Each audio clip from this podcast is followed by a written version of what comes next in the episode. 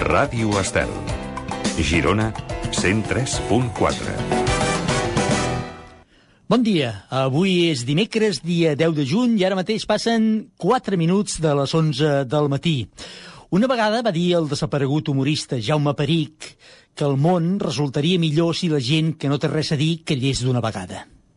Que el món resultaria millor si la gent que no té res a dir callés d'una vegada. Està bé, està bé. L'únic problema és que correríem el perill de viure enmig d'un silenci espantós.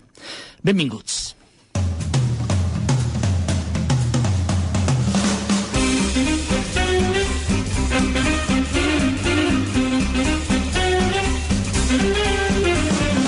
Oh, Déu meu, cada dia una llista de 10 per enriquir la nostra vida. Amb Miquel Morgà. Aquí, des d'ara i fins les 12, una altra cosa no ho sé, però silenci, silenci, silenci segur que no en tindreu perquè no pensem callar fins que s'acabi avui el programa.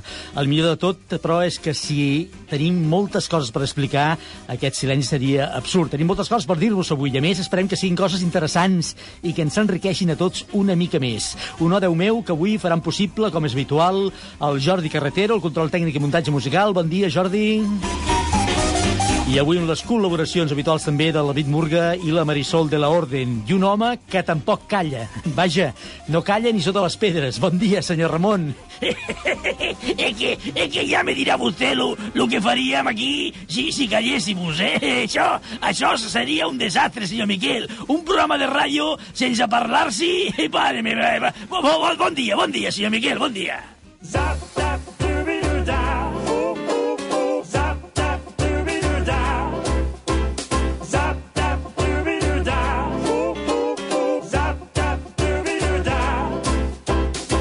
Vostè s'imagina, senyor Ramon, un programa de ràdio en silenci, tot allò que la gent posés al ràdio i fos tot un silenci sepulcral, escolti'm, mira, seria una experiència interessant, eh? Eh, de verdad, perdoni que se lo digui, eh, però esto que acaba de dir eh, és una tonteria com una casa de pagès, eh?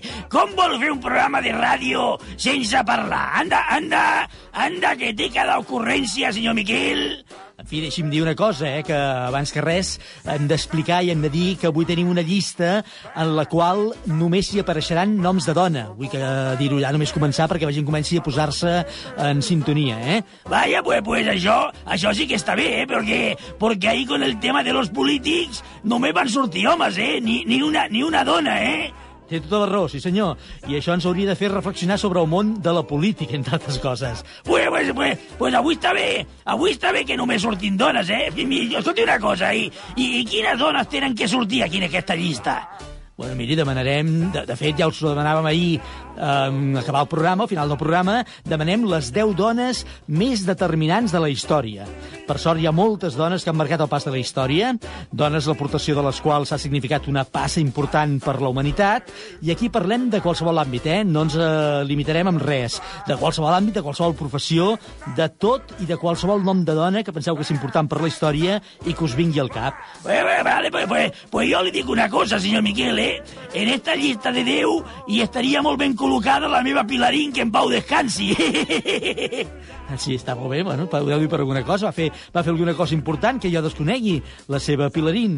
Bueno, bueno, bueno, ella, ella va fer coses, sí, va fer coses, sí. Ella, ella, ella feia molt bé les croquetes de pollastre. Ja, ja, està molt bé. Està bé, eh? Està bé fer, fer bé les croquetes de pollastre és important, però no sé si és mèrit suficient com perquè aparegui en la llista de les 10 dones més determinants de la història. Vaja, jo diria que no és suficient, eh? Eh, escolti, escolti una cosa, eh? Que és molt difícil fer les croquetes bien, eh? Que, que no la fa qualsevol, eh, senyor Miquel? Ho sé, ho sé, ho sé.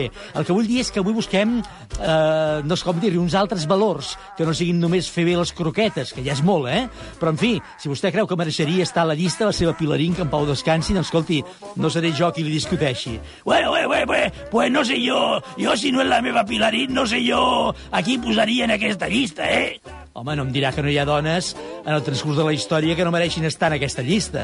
Bé, bé, pues sí, segur que sí, segur que sí, no sé. Deixi'm pensar, deixi'm... Ui, bueno, pues mira, no, no sé, no sé, no sé, no, no sé, me tindria problema per posar només una, ara que ho penso, mira, està pensant aquella...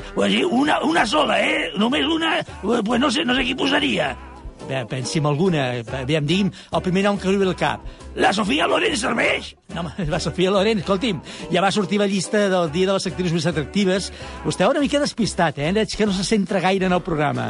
Eh, que, eh, que totes les que se m'ocorren són molt antigues, senyor Miquel. Escolta, això no és cap problema, eh? La història l'han escrit totes, eh? Les antigues, que vostè diu, que no diria antigues, però, en fi, les que han marcat la història, i també les més modernes, les més actuals. Ah, vale, vale. Ah, vale, pues, pues, pues, pues sap, a- sap a qui posaria jo? A, a la monja que està, la, la Sor Lucía Carambas. Ah, molt bé, està molt bé. La, però, però, perdoni, eh? No es diu Sor Lucía Carambes, senyor Ramon, per, permeti'm, eh? Es diu Sor Lucía Caram. Ah, bueno, bueno, bueno, pero, pero- esto es en catalán, pero, pero ella es argentina, ¿no? Sí, però que un nom no canvia, que no ho entén. Sigui catalana, argentina o japonesa, és igual. Ah, no, vale, vale, vale. Pues, pues yo pensaba que le dirían Caram porque, porque estaba aquí a Cataluña. Pe- pero como que es argentina... Sí, home, si és argentina, però podríem dir que també és catalana, ja, eh? Vale, vale, vale, vale, vale. Pues, pues mira, pues, pues esa pondría yo a la lista, sí. Porque no se talla ni un pelo cuando parla y tiene que decir una cosa, la diu y se acabó, escolti'm. Està molt bé, escolti'm, sembla molt bé el que diu. Ah, y, de- y después también posaría la Heidi. Perdoni, a la Heidi? Que vol que faci? Vol- La, la, a més, la Heidi no existeix. Vull dir que és un personatge de ficció. Eh, a veure, I per què posaria la Heidi? Bueno, pues, pues, porque me caía bien y porque, y porque cuidaba muy bien al abuelito, dime tú. o no, o no, o no, señor Miquel. Sí, cuidava molt bé l'abuelito Dime tu, eh? Que es pensa que el Dime tu era, era el cognom de l'abuelito, eh? En fi, és igual, escolta, si vol votar, ja sap què ha de fer. Bueno, bueno, pues, pues, pues sí, ya, ya, ya, ya me lo pensé. He de enviar un, un Wallapop esos de, de veu, ¿no, señor Miguel? Un Wallapop no, un WhatsApp. Ah, eso, eso, així mateix, un, un WhatsApp d'aquell, eh, que, que no sé tot això, és molt complicat, eh? Miri, sap, sap qui li pot explicar molt bé com funciona tot això? Pues no, digui, digui, digui-m'ho. El Jordi Carretero. Miri, el Jordi li explicarà eh, al tècnic, vostè va allà amb ell i ja, ja veurà el content que es posarà. Vostè li va fent preguntes durant tot el programa sense parar, ja veurà com arribarà un moment que se li inflaran les venes del coll així com, com a la Patiño, ja veurà, i amb una mica de sort no tornarà a durar vostè aquí durant uns dies. Bueno, bueno, pues no sé el que ha volgut dir con això, però vaig pa callar, eh? Molt bé, faci, faci, faci. Jo- jo- jo- Jordi, va, después, señor Miguel, eh? Jordi, maco, escolta, me enseña a fer un mensaje de estos... Molt bé, doncs vinga, ja està. Un cop deslliurats del senyor Ramon, perdó, podem procedir a continuar amb tota tranquil·litat. Som-hi.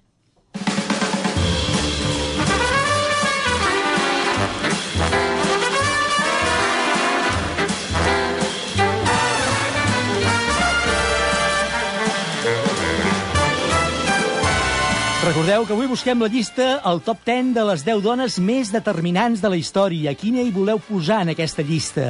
Vosaltres decidiu. De moment, com cada dia, us fem arribar un informe per si teniu dubtes o per si voleu aclarir una mica més allò que podeu dir i que podeu fer-nos arribar. Aquesta és la prèvia que us hem preparat i espero que us ajudi.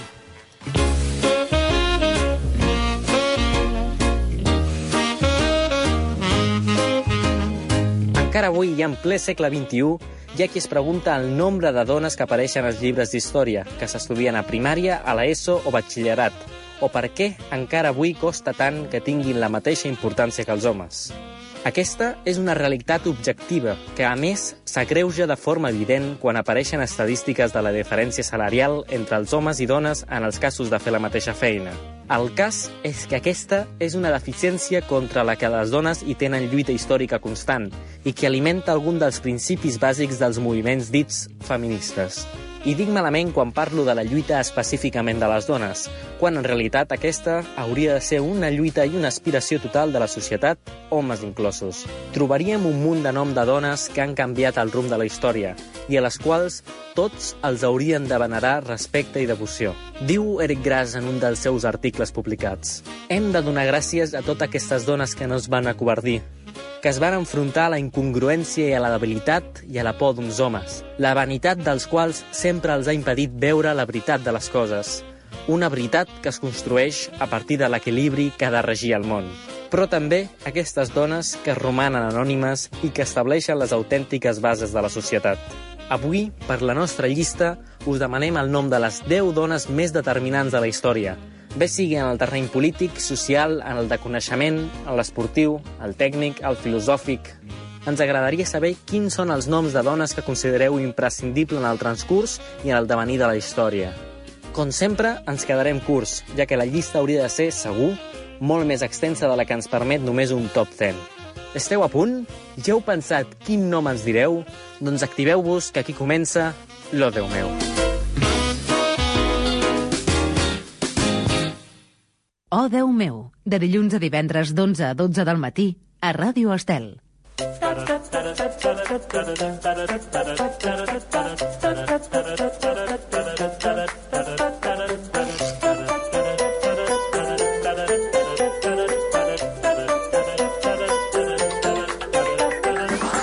Bé, doncs a partir d'aquí ja podem començar, ja pot començar el camí de la llista d'avui.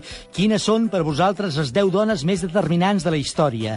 Recordeu que només cal, només teniu l'obligació, va, obligació no, però si ens feu arribar algun missatge, només cal que ens en digueu una. No cal que ens feu la llista de 10 cadascun de vosaltres, si en penseu en una, en aquella dona que penseu que és la més determinant segons vosaltres de tota la història, ens feu saber aquest nom i si voleu ens expliqueu el per què. Recordeu que ho podeu fer a través de diferents mitjans, un són les xarxes socials, Facebook i Instagram, allà hi trobareu, si n'hi busqueu el nom del programa, o Déu meu, trobareu un post on us fem la pregunta i només caldrà que ens respongueu amb aquella opció que vosaltres voleu posar a la nostra llista. Una altra possibilitat és el correu electrònic, que ja sé que a vegades sembla molt antic, això del correu electrònic, però ens funciona molt bé i us agraïm que ens feu arribar aquests correus al nostre e-mail o meu arroba radioestel.cat o meu arroba radioestel.cat i encara una tercera opció, que és la que més ens agrada, també us ho dic, és que feu servir el nostre telèfon habilitat pel WhatsApp.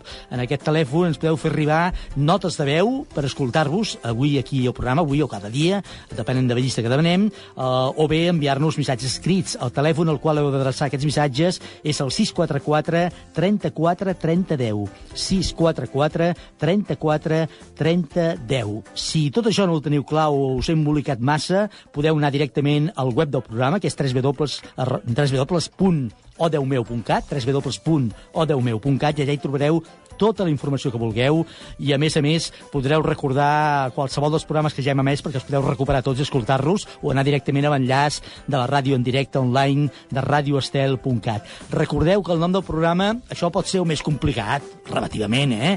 L'heu d'escriure amb OH, un 10 en números, meu, o 10 meu.cat odeumeu.cat. www.odeumeu.cat és el web del programa que tenim per a tots vosaltres i on hi trobareu de tot. A més a més, recordeu, tota aquella gent que participeu, eh, algú sortirà agraciat amb un lot de vins Lovers Wine Elegance.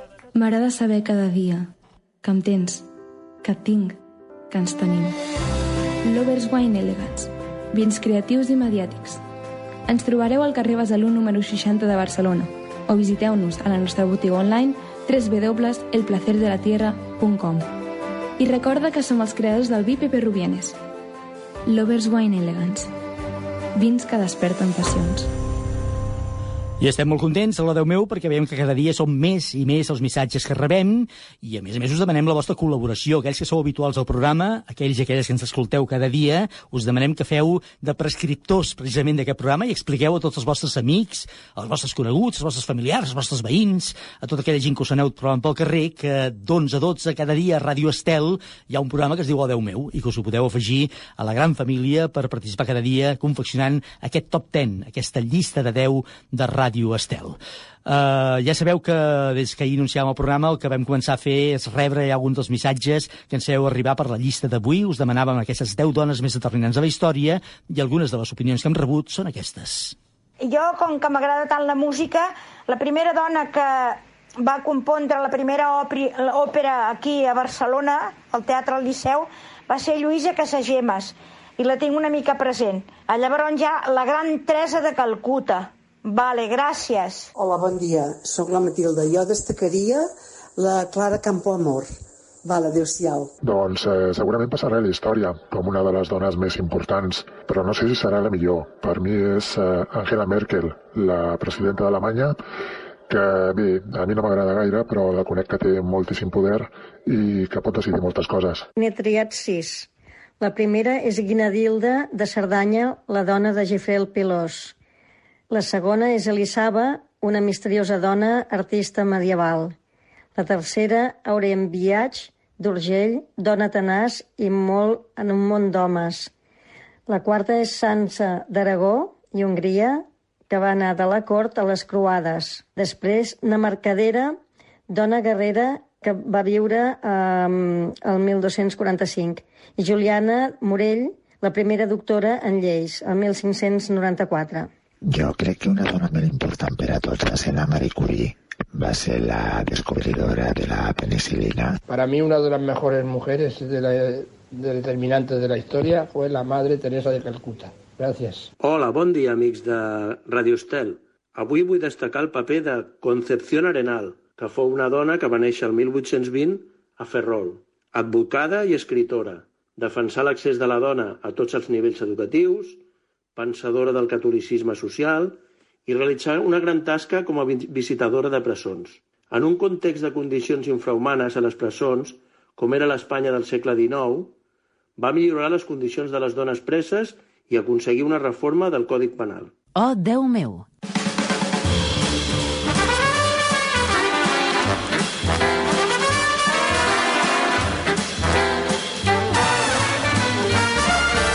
Ja sabeu que arribats a aquest punt i un cop hem enllaçat ja el camí cap a aquesta llista de 10 d'avui o de les 10 dones més determinants de la història i ens agrada posar música al programa, a la llista d'avui, de fet. I avui farem una excepció, per primera vegada, eh? Per primera vegada en tots els mesos que portem de programa farem una excepció i sense que serveixi de precedent. No hi posarem una cançó relacionada amb la llista, ni que parli de cap dona, ni res que s'hi sembli. I és que avui no he trobat una opció millor que posar un tema per recordar i mantenir viva la veu i les cançons cançons de Pau Donés i de Jarabe de Palo. I és que amb les seves aportacions tot semblava molt millor i molt més bonic. Així que ens quedem avui amb ell i amb el seu record. Bonito, todo me parece bonito. Bonita mañana, bonito lugar, bonita la cama, que bien se ve el mar, bonito es el día que acaba de empezar bonita la vida. Respira, respira, respira. Mi teléfono suena, mi pana se queja, la cosa va mal, la vida le pesa que vivir así ya no le interesa, que seguir así no vale la pena. Se perdió el amor, se acabó la fiesta, ya no anda el motor que empuja la tierra. La vida es un chiste con triste final, futuro no existe, pero yo le digo bonito. Todo me parece bonito,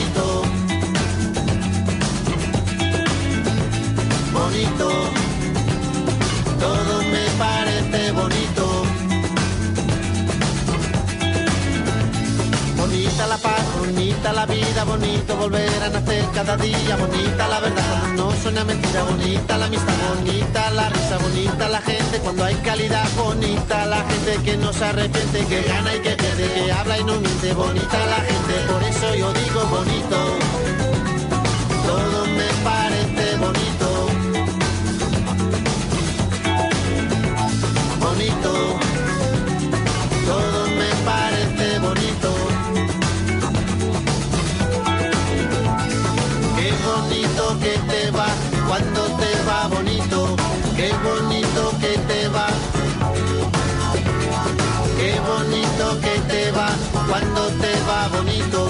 qué bonito que te va.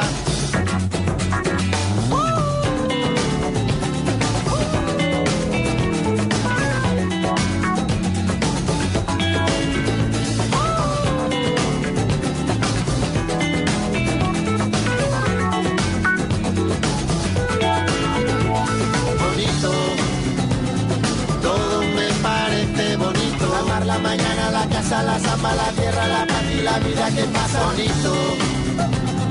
Todo me parece bonito. Tu cama, tu salsa, la mancha en la espalda, tu cara, tus ganas el fin de semana. Bonita la gente que viene y que va bonita, la gente que no se detiene, bonita la gente que no tiene la que escucha, que entiende, que tiene y que da bonito porte, bonito pero bonita la rumba, bonito José, bonita la que no tiene brisa, bonito este día, respira, respira, bonita la gente cuando es de verdad. Bonita, la gente que es diferente, que tiembla, que siente, que vive el presente, bonita la gente que estuvo y no está bonito,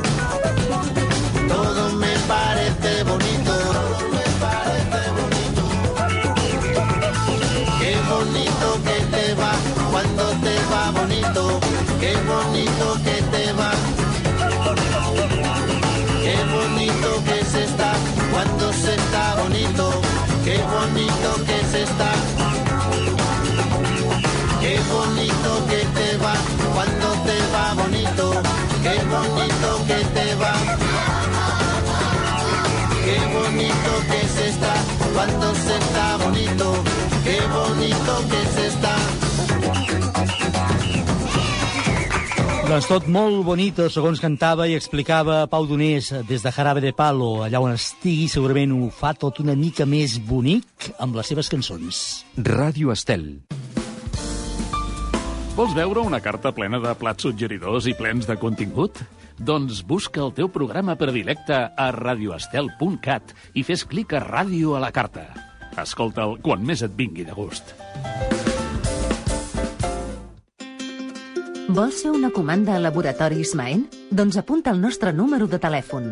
669 56 17 68. 669 56 17 68. Els nostres operadors estan aquí per atendre't. Agafaran la teva trucada, tramitaran la comanda i resoldran qualsevol dubte que tinguis. Recorda, si has escoltat l'espai Salut Natural per tothom i t'has quedat amb cap producte natural que t'interessa, només ens has de trucar 669 56 17 68. Els productes naturals Maen al teu abast. 669 56 17 68.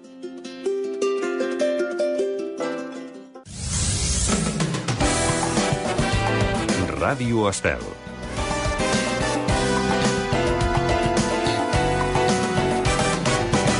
Oh, Déu meu, amb Miquel Morgà.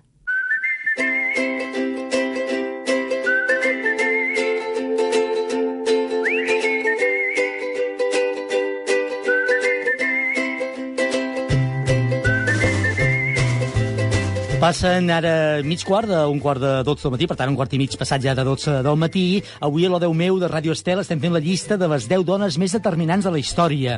Esperem encara fins al final del programa les vostres opcions per aquesta llista, per aquest top 10.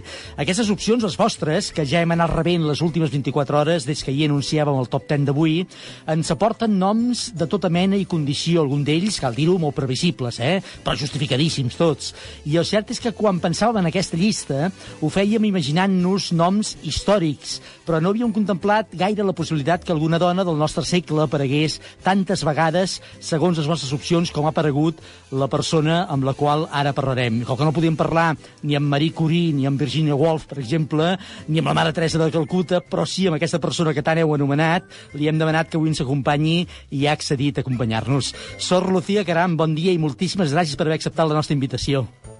Molt bon dia i moltes gràcies a vosaltres.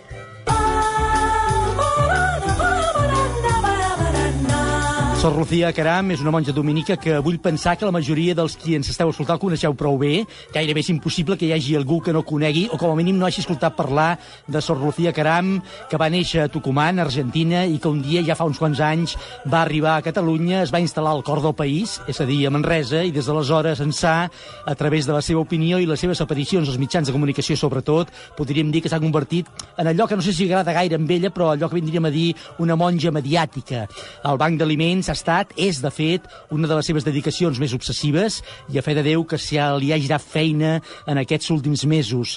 Invulnerables és la seva última tossuderia, fantàstica i beneïda tossuderia, que està impulsant a través del suport del Departament de Benestar Social i Família, de la Fundació Barça i de l'obra social La Caixa i que té l'objectiu de lluitar contra la pobresa de la nostra societat. A tot plegat, n'ha aparegut a més a més un llibre que encara està calentet a les prestatgeries de les llibreries. Ara parlem de tot plegat, Sor Lucía, però si no tenia prou feina, eh, tot això de la pandèmia ha vingut a granjar-nos encara més la situació i afegir-hi més feina de la prevista, eh? Sí, sense dubte, quan ja pensaven que estàvem sorgint i que començaven a treballar alguns plans de transformació de la vida de la gent, de cop i volta aquesta mm, pandèmia a alguns se'ls ha tancat a casa i altres se'ls ha portat a la trinxera a lluitar amb, contra els efectes devastadors d'aquesta crisi que ens ha posat de nou al començament eh, a acollir a les víctimes d'aquesta crisi. No? Les imatges dels primers dies eren els hospitals desbordats amb els sanitaris, la manca de recursos i tot el que hem viscut de forma dramàtica i ara ho estem vivint i s'està centrant una mica també el focus en aquestes cues interminables de gent que, bueno, que, que han incrementat de manera brutal i de gent que ve a demanar el pa de cada dia, no? Uh -huh. És una situació eh, dramàtica que ens ha fet adonar-nos de que el nostre lloc, un cop més, és enmig dels més empobrits, dels que estan patint, i que el missatge de l'Evangeli aquest de Jesús, que el diu, doneu-les vosaltres de menjar, és avui un imperatiu, no? I donar-les de menjar significa escoltar, acollir, guarir ferides, eh, buscar mm, habitatges, eh, tornar a ajudar que la gent pugui recuperar la il·lusió per viure i els mitjans més essencials que moltíssima gent ha perdut. Uh, vostè se les veu cara a cara cada dia amb aquesta gent més, més desfavorida i amb la gent que està passant per una situació realment greu, uh, fet que hauria d'estar provocant, deixi'm dir també, una alarma social a tots nivells. Comencem per la gent, doncs, què li diuen? Què, què hi veu a la cara d'aquesta gent amb els quals es topa cada dia i que deuen fer una cara d'espantats en molts casos, no? Hi ha una situació bastant, bastant dramàtica i un, quan diu les xifres, eh, ha d'entendre de que darrere de cada xifra, de cada número, hi ha una família, una història i un drama, no? Perquè tenim moltíssima gent, sí, venia molta gent a buscar aquests recursos d'aliment, però és que se'ns ha disparat i se'ns ha multiplicat per tres i amb llistes d'esperes. Uh -huh. eh, o sigui, la gent està desesperada, està trist, molta gent està trist perquè han perdut persones de la seva família no s'han pogut acomiadar, altres han perdut la feina, altres estaven en una economia submergida i en una situació quasi d'esclavitud i de cop i volta ja no hi compten i s'han quedat totalment a la intempèrie. Hi ha moltíssima gent que mai havia anat a serveis socials, que mai s'hauria imaginat picar a la porta d'un banc d'aliments i que ara van amb el cap baix, amb la tristesa, amb, amb, amb làgrimes als ulls i veus que hi ha una situació però que s'han de sobreposar perquè tenen fills als que se'ls ha de donar de menjar, no? Intentem amb els voluntaris empatitzar amb la gent i posar-nos en la seva pell, primer per donar una resposta humana eh, que solucioni la seva situació més d'emergència i per intentar acompanyar a la gent, però ens trobem en situacions que són eh, molt dures, no? Hem tingut que activar un sistema de portar menjar a moltes famílies de gent gran, que són altres oblidats en la nostra societat, amb l'Escola Joviat de Manresa hem activat un recurs per portar menjar a, a 100 domicilis, però és que a més a més eh, tenim gent que mai havia vingut, que possiblement la vergonya els fa no sortir de casa i tancar-se, Mm -hmm. i que els estem portant a casa al menjar, no? Clar. Ahir ens va passar una cosa d'un dels voluntaris que portava una família a casa seva eh, amb, amb les bolses de menjar, perquè era molt menjar, i li va demanar que, la deixés, que el deixés a la porta d'un supermercat que lo esperava el seu fill, perquè d'aquesta manera semblaria que venien del supermercat i no d'un banc d'aliment, no? Eh, i, el, i, I hem de ser molt comprensius en moltes situacions i en moltes persones que han passat de... La nostra societat no ens permetia la situació laboral estalviar, però la gent podia anar vivint, molta gent que s'havien recuperat de la crisi o que intentaven fer malabars per no caure, no? Uh -huh. I de cop s'han trobat que estan al carrer sense tenir per menjar. Hi ha molta gent que està vivint una situació d'una impressionant precarietat. Gent que ens ha demanat per anar al servei de dutxes perquè tenen por de no poder pagar eh, l'aigua, la llum, i, bueno, pues, la veritat que mm, molta gent diu això és com una guerra. Jo crec que és com, uh -huh. com una guerra, és com una postguerra, sense odi. Ens ho creiem, evidentment, i, i, i ens impressiona perquè ens ho està explicant de primera mà i perquè ho coneix prou bé, si no, són situacions difícils d'entendre fa molt pocs, no anys, molt pocs mesos. Jo deia abans que tot això hauria d'estar provocant una alarma social eh, i, sobretot, i ara a banda de la gent, hauria de tenir una resposta contundent de les administracions públiques. Té la sensació que és així? Jo crec que, mira, s'han activat alguna, alguns recursos que eren necessaris, com aquesta renda este, vital, que, que es donarà mínima, i sembla que ens hem de contentar amb els mínims. Jo crec que a vegades hi ha un discurs, a vegades massa populista, que dona unes respostes que tenien que haver arribat fa temps i que li donem la benvinguda, però que ens estem oblidant d'altres sectors. Ens estem oblidant de les persones que estaven en una situació de fa temps de, de, de vulnerabilitat, no? Uh -huh. eh, la, la gent que té una discapacitat i que han quedat totalment eh, oblidats, no? Eh, havia unes pagues que mai han arribat, eh, hi ha una situació que penso que s'haurien de ficar una mica més en el tema de com reactivar l'economia i com eh, ajudar també a les empreses perquè no continuïn eh, tancant eh, els llocs de treball Eh, I això penso que a vegades no, és, no està tan present en el discurs. No? Mhm. Jo crec que s'han activat eh, recursos socials d'emergència que eren necessaris, però l'altre dia jo deia, pues, quan em demanaven, pues, jo penso no hem d'acontentar en les engrunes que cauen de la taula d'un govern que d'alguna manera vol mantenir-se i justificar-se. No?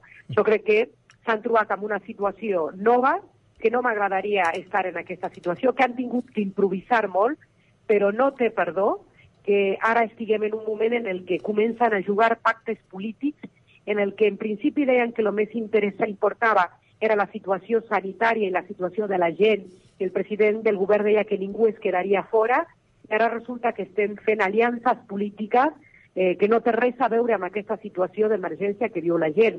Per tant, jo demanaria que no ens oblidem dels més pobres i que els podem ajudar també tenint cura de la petita, mitjana empresa perquè puguin mantenir el seu, el seu lloc de treball. La gent vol treballar d'alguna manera. Que els governs puguin donar algun tipus de més de facilitat i que no siguin eh, tan durs amb aquesta gent que fa tots els esforços per poder tornar a aixecar la persiana dels seus petits negocis, no? Mhm. eh, per tant, jo penso que bueno, pues és un moment en el que hauríem de viure tots en la veritat, eh, veure que no és un moment per enganys ni per intentar cuidar la cadira de cada un, i sí per donar resposta a la gent.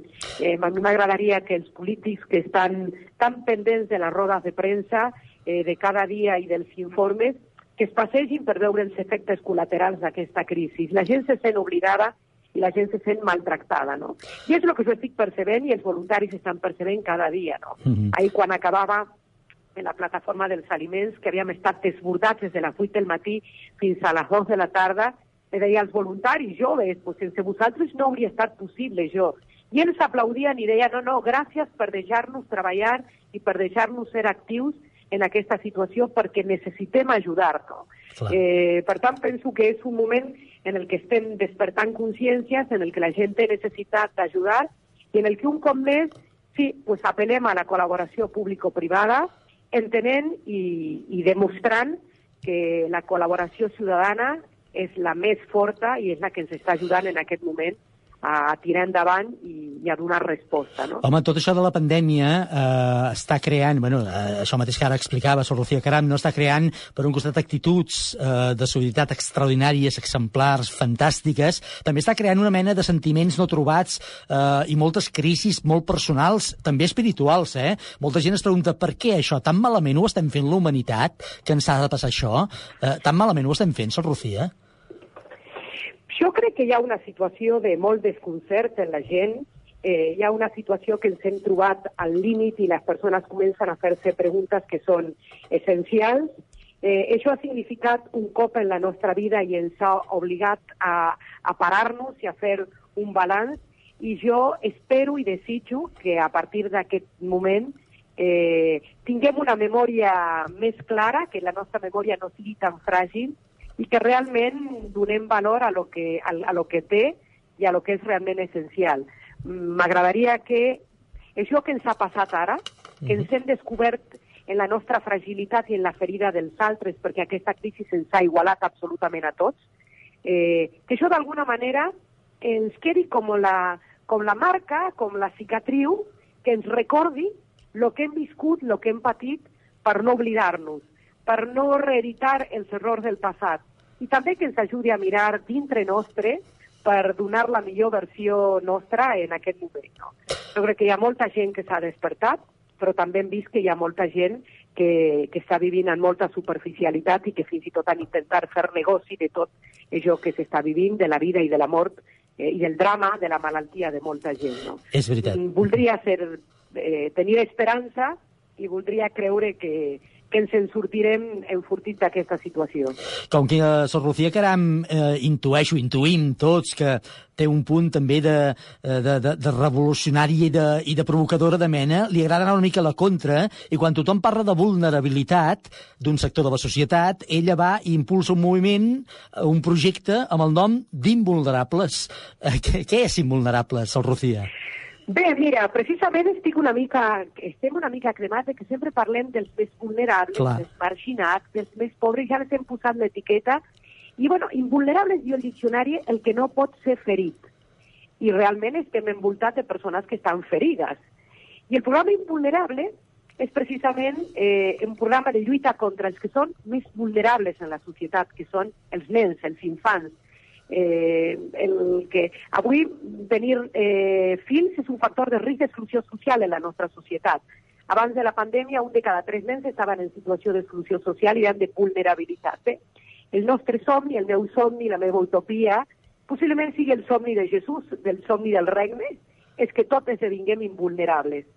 I tots esdevindrem invulnerables si davant d'aquesta situació de lo que és la pobresa infantil, l'oblit de la família, l'abandó dels més vulnerables, si cadascú es pregunta amb el que tinc i amb el que sóc, què és el que puc fer perquè algú d'aquests petits estigui una mica millor, jo estic segura que l'esperança no podrà fallar. No? Hi ha una imatge de l'Evangeli que a mi em crida molt l'atenció, que és quan van camí de Jerusalem, els deixebles estaven discutint qui seria el primer, no? Els privilegis. I Jesús els demana de què parlàveu pel camí? I no s'atrevien a dir-li. I Jesús agafa i posa en el centre un nen. Bueno, pues jo crec que el repte, el repte és, mentre la gent s'està discutint per, per privilegis, per poders, recordar que hem de posar en el centre els nens, els més vulnerables. I si tots ens posem d'acord, construirem un present, perquè no els donarem oportunitat a ells, i garantirem el futur, perquè ells seran els que volen ser i podran ser això que vulguin ser també, no? Entonces, Invulnerables és un programa de lluita contra la pobresa infantil, és un somni, és una utopia, però és una realitat. Tinc el suport de l'obra social La Caixa, amb el seu programa estrella, que és Caixa Pro Infància, uh -huh. estem en 11 llocs de Catalunya, i el que intentem és donar-li als nens igualtat d'oportunitats, igualar oportunitat, donar-les això que podrien donar-li els seus pares si és que tinguessin feina i no estiguessin en aquesta situació. Donar reforç en el tema sanitari, en el tema educatiu, en el tema del lleure, i donar-los l'oportunitat de que puguin ser nens i de que puguin ser jo que vulguin ser. No? I això ho fem des d'un espai com és el convent de Manresa, que l'hem cedit, eh, la Caixa ha fet una inversió molt gran, m'ha liberat un equip de persones i estem dibuixant un programa que ja estem, com deia, en 11 llocs de Catalunya, bueno, pues, construint aquest somni, no? treballant al costat dels nens, i crec que Invulnerable ja és un programa transformador.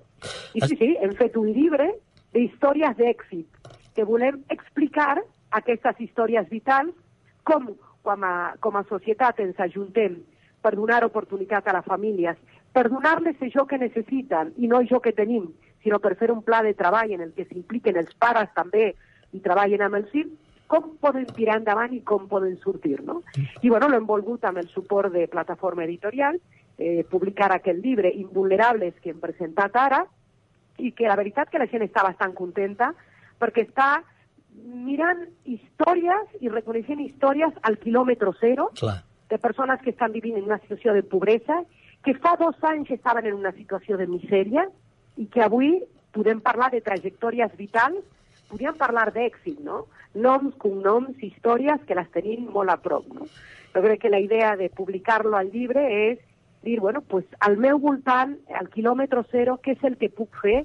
Perquè si tots ens fem aquesta pregunta, jo crec que l'esperança no podrà fallar, no? Jo lo estic tocant, aquesta situació. És veritat que ara, amb aquesta situació que hem viscut del Covid, eh, bueno, pues ens ha fet trontollar tot, no? Però ens ha fet afiançar-nos en que lo urgent no pot passar per davant del que és essencial i necessari. Clar. Hem d'activar recursos d'emergència, com donar de menjar a la gent, però també hem de continuar tenint cura, com hem fet durant tot aquest temps amb el programa Invulnerables, de donar-les als nens eh, les eines necessàries per superar la bretxa digital, per poder continuar amb els deures, eh, i ens hem adonat amb això de les nostres incoherències i de les nostres teories, no? Per exemple, mes de gener i febrer treballàvem amb els pares i amb els nens tot el tema de les addiccions a les pantalles, com controlar-lo, com acompanyar-los, i resulta que al mes de març els comprem a tots pantalles perquè puguin continuar el reforç educatiu, no? Ells pensaran que estem bojos, però bueno, pues és la realitat que canvia i que ens fa adonar-nos que estem en una situació nova i que hem de buscar les eines que necessitem perquè puguin continuar estudiant i creixent amb salut i amb, i amb esperança.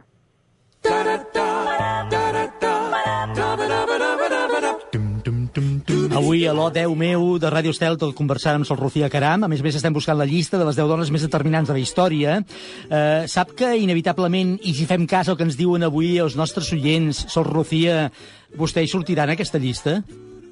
Bueno, jo crec que mm, hi ha molta gent que està fent moltes coses i si surto jo és perquè hi ha molta gent que està al costat meu, no? Jo crec que no hi ha cap mèrit personal i ho dic ben convençuda, no? Jo puc fer el que estic fent primer perquè tinc una comunitat de monges que són molt generoses i que m'han donat suport per poder fer el que estic fent. Sense elles no ho podria fer.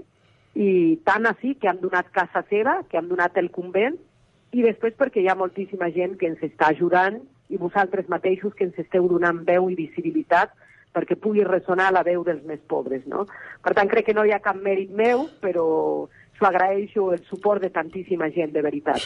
Escolti'm una cosa, fa uns anys, eh, i canvio de tema ara, eh, trenco una mica la, la conversa, fa uns anys, fa unes dècades, els argentins que estaven aquí a Catalunya o eren psicòlegs o eren dentistes, eh? Aquesta, bé, bé, ja em perdonava la frivolitat, eh? però aquesta era una espècie de realitat llegenda que existia. Em sembla que s'acostava bastant a la realitat, a més a més, eh? Esclar, ara la cosa ha canviat. El Sant Pare és argentí, la monja més popular i canyera de Catalunya és argentina, i el millor jugador del món és argentí. Aquests dos últims, a més a més, els tenim jugant a casa, eh, Sor Lucía i el Messi. Els argentins acabaran per dominar el món, eh? No, no, ara tenim l'esperança de que Francesc vingui també a Catalunya, és el que ha dit ara, o sigui que Uh -huh. això seria molt bo que ens poguéssim trobar tots tres eh, aquí. Possiblement és que Argentina estem molt marcats, eh, som un, un país de molta immigració, molta immigració espanyola, molta immigració catalana, del lloc on eh, Mhm. jo, de Tucumán, eh, molta immigració italiana, i, i nada, pues tenim la sort de que se'ns ha acollit, ens trobem bé en aquest país i, i puguem donar el millor de nosaltres mateixos. Com culer que és, deu tenir mono de Messi, eh? Ostres, no et pots imaginar. La sort és que a vegades pots entrar en el canal del Barça i veure algun partit i alguna jugada, encara que sigui passada, sempre és nou, perquè veure això és un espectacle. Sí, home, el Messi ara tornarà i ja sembla, més a més, que aquesta mateixa setmana, però algun dia dec- decidirà que ja n'hi ha prou i que acabarà. Què farem? No sé què farem, jo crec que psicològicament no estem, no estem preparats, eh? però ho haurem d'assumir perquè no ens quedarà un altre, no? En tot cas, ens quedarà el record de- d'un jugador que ens ha donat moltíssimes alegries i que és gran precisament per la seva humilitat, eh? Sí, eh? Eh, jo crec que tenim a Messi, que és el millor jugador del món, i tenim a Francesc, que és el Messi de l'Església. Uh, les monges del convent encara la miren com una rara avis o ja no? No, les monges del convent m'estimen molt i, i, i no em jutgen, al contrari. Eh, crec que són les que més em coneixen i saben que no podria ser d'una altra manera. Sor Lucía Caram, avui ens venia molt de gust eh, parlar amb vostè. Gràcies per tant i per tot. I gràcies també per fer-nos continuar creient que un món millor és possible. Molta sort i fins aviat. Moltíssimes gràcies a vosaltres sempre. Oh, Déu meu, cada dia una llista de 10 per enriquir la nostra vida. Ba-ba-dum,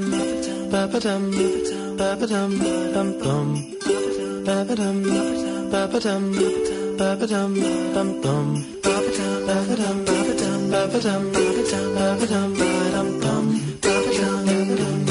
Ba-ba-dum, Doncs bé, després de conversar amb Sor Lucía Caram, que com dèiem és que entrarà a la llista sí o sí, perquè no us podeu imaginar la quantitat de gent que ens ha parlat o que ens ha eh, donat la seva opció, el seu nom, perquè eh, el posem en aquesta llista. Abans hem escoltat algunes d'aquestes opcions ja en format d'àudio, aquells missatges de notes de veu que ens heu fet arribar a través del WhatsApp, però també hi ha qui ha optat per fer-nos arribar missatges a través del correu electrònic o de les xarxes socials. Per exemple, a través del correu electrònic eh, rebem alguns missatges. L'Antònia Rubió, perdó, no, la María Ibáñez ens diu Hola, como siempre es difícil decidirse por una sola porque son muchas las mujeres determinantes para la historia.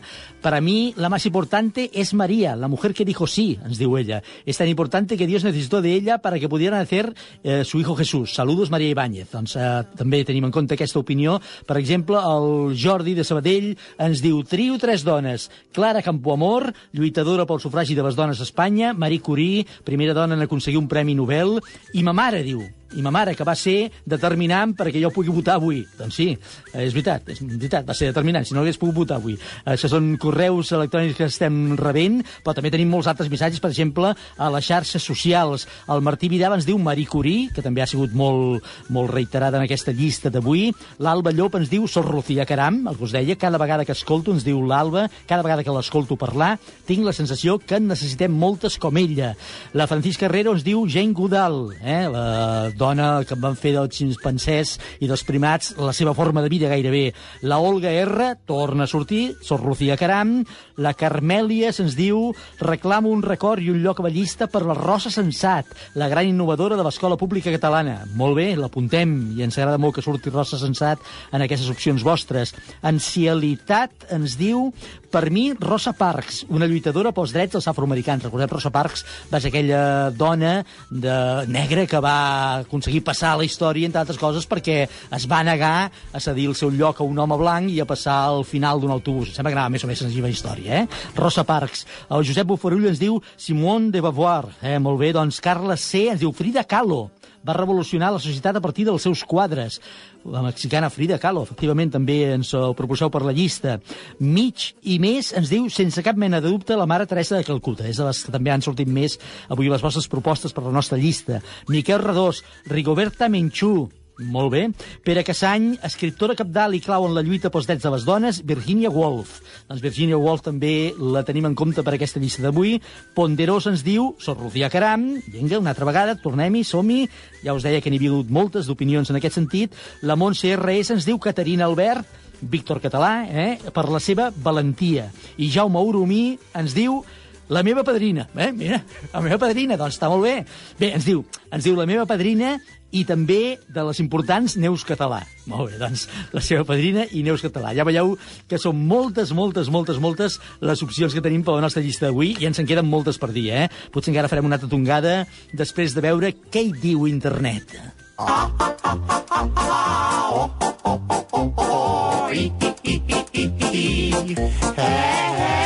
Perquè segur que internet diu moltes coses referents a les dones determinants de la història.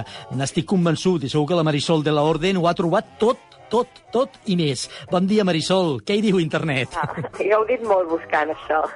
Sí, eh? eh? Deus haver trobat moltes coses també parlant de dones, eh? Moltes, moltes. Una de les primeres que ens surt és la Marie Curie, Sí. com a científica. Ha estat una de les que més ha sortit també les propostes de la gent que ens han escrit, eh? Sí. Uh, evidentment surt moltíssim la, la, la hermana Teresa de Calcuta. Mm -hmm. Eh, la Virginia Woolf surt amb, ba- amb bastantes búsquedes, ella surt, sí, Mhm. com a dona important. La Frida Kahlo, també. Frida Kahlo, eh? Mm -hmm. Mm, Frida Kahlo. En alguns m'ha sortit Juana de Arco. Joana d'Arco, sí, sí, està bé. Sí. Veus? No, ningú l'ha votada, curiosament, veus? I, mm, i bueno, en tenim més, eh? Vull dir, podem seguir parlant. Això serien noms eh, que més has trobat eh, quan has buscat internet dones importants o determinants o decisives en la història, eh? Sí. Eh, i he sentit que deia, sí, Rosa Parks també surt, Uh -huh. que important la seva tasca amb el tema racisme als Estats Units. Eh, I, per exemple, altres, que potser són més recents, eh, la Diana, la princesa de Gales, Sí, surt també també a internet, eh? Clar. aquesta surt, la Margaret Thatcher també surt. Ni, ningú ens ha parlat d'abans, eh, ningú, no diu cap missatge que ens hagi anomenat Diana de Gales, ni tampoc la Margaret Thatcher-. En canvi, sí com a política, diguéssim, internacional, hem tingut algun àudio, alguna votació eh, que feia referència a Ang- Angela Merkel, eh? però no Diana de Gales, que em sorprèn ara que ho dius, és que segurament hi ha moltes dones, moltes, moltes, Marisol, que no hi hem pensat o que la gent no hi ha pensat i que i servirien per fer 25 llistes d'aquestes, eh? Exacte, exacte, 25, i tant, i tant. I així, per fer, per picotejar una mica, com a actriu surt la Marilyn Monroe, Ah, uh, com a política característica surt l'Evita Perón, Evita Perón, mira, un altre personatge veus que ningú ha dit i que segurament tindria molts arguments per posar en una llista d'aquestes. jo penso que sí. Mhm. La Indira Gandhi, Indira Gandhi, per, exemple, per exemple. I, I així més propera, per exemple, com a cineasta, la Pilar Miró. Sí? Ah, molt bé, molt bé. Perfecte. Home, hi ha dones de tota mena, eh, condició, professió, àmbit social, de tot, eh? Sí, sí. És que de vegades, de, de, des d'un àmbit social, des d'una professió, des d'una situació social concreta, que a vegades pot semblar insignificant, es poden fer moltes coses, eh? Moltes, i tant, i tant.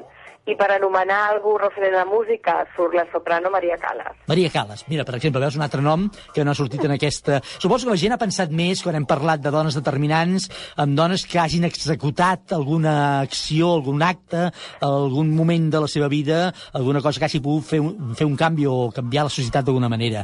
Evidentment no diré que Maria Calas no hagi canviat moltes coses, i fantàsticament, a més a més, eh?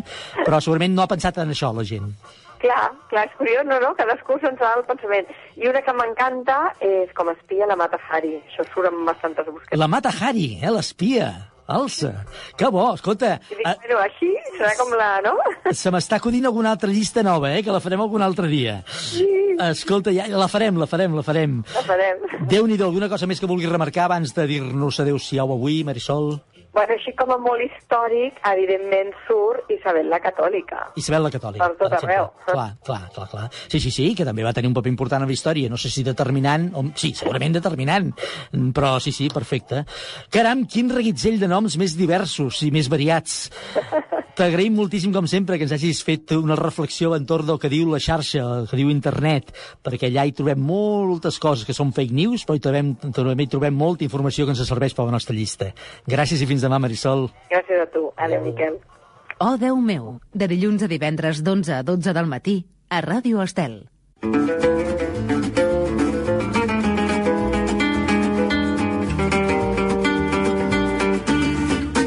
Doncs déu nhi tota la informació que tenim. Quina feinada tindrem per concretar la llista d'avui, perquè hi ha tants i tants i tants i tants noms, i a més a més molt diversos, tots ells, que ens serà molt complicat concretar-ho en només 10. Recordeu que sempre queden noms eh, fora de la llista perquè no hi caben tots, per tant, aquell que vosaltres heu optat o que ens heu dit o que heu votat, si ho voleu dir així, pot no sortir-hi, però sí que tenim en compte la vostra opinió, evidentment, i sobretot la vostra participació, perquè entre tots, tots, hagi sortit el nom que heu dit o no, sortejarem d'aquí un parell de tres minuts, un lot de vins Lovers Wine Elegance. Recordeu que ens podeu fer arribar tot el que vulgueu, sobretot i molt especialment a través del, número, del nostre número de WhatsApp, que és el 644 34 30 10. 644 34 30 10. Jo crec que ho tenim tot a punt. Eh, tenim els mil noms que ens heu fet arribar i ara, en un 3 i no res, els posem en ordre i conferim la llista d'avui. Cada dia una llista de 10 a Ràdio Estel. Número 1. És una primatòloga, etòloga, antropòloga, activista mediambiental i missatgera de la pau de l'ONU anglesa, considerada la major experta en ximpancers, Jane Goodall. Número 2. És considerada una de les principals escriptores i sagistes britàniques del segle XX i, a més a més, també una figura destacada en la lluita pels drets de les dones, Virginia Woolf. Número 3. Va ser una mestra que va contribuir decisivament al desenvolupament de l'escola pública catalana durant el primer terç del segle XX. Ens estem referint a Rosa Sensat. Número 4. Va ser una escriptora, una professora i una filòsofa considerada figura clau del feminisme, Simone de Beauvoir. Número 5. Va morir el 1954 després d'haver patit un accident que la va deixar postrada al llit. Aleshores va començar una trajectòria com a artista en què els seus quadres reflectien el seu dolor físic, la tempestuosa relació amb el seu marit, els seus ideals comunistes i la seva concepció de la dona, Frida Kahlo. Número 6. És una activista social guatemaltenca, de membre del grup indígena Maya Quiché i ambaixadora de bona voluntat de la UNESCO. El 1992 fou guardonada amb el Premi Nobel de la Pau, Rigoberta Menchú. Número 7. És, sens dubte, una de les grans pioneres de la història de la ciència. Va ser la primera dona que va arribar a la catedràtica a la Universitat de París i la primera, també, a guanyar el Nobel de Física, Marie Curie. Número 8. Ho hem dit, s'ha col·locat entre les dones més determinants de la història i no deu ser perquè sí. Avui hem pogut, hem tingut el gran plaer de parlar amb ella i hem entès el per què la gent l'estima tant i tant. Sor Lucía Caram. Número 9. Va ser una defensora dels drets civils estatunidencs que es va fer mundialment famosa quan el 1955 es va negar a cedir el seu seient de l'autobús a un home blanc. Estem parlant de Rosa Parks. Número 10. I tanquem la llista amb una monja catòlica d'ètnia albanesa naturalitzada a Índia que fundà la Congregació de les Missioneres de la Caritat a Calcuta el 1950, la Mare Teresa de Calcuta.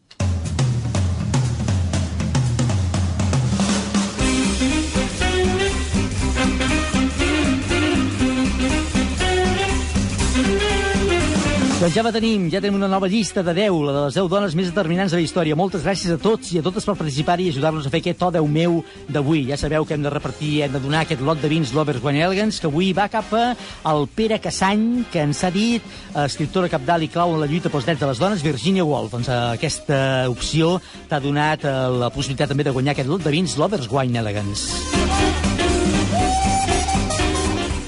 Demà hi tornarem, i tornarem amb una nova llista de 10. Demà la farem molt pictòrica, aquesta llista, perquè demà, atenció, busquem els 10 quadres que et compraries pel saló de casa els 10 quadres que et compraries pel saló de casa. Somiem una miqueta, eh?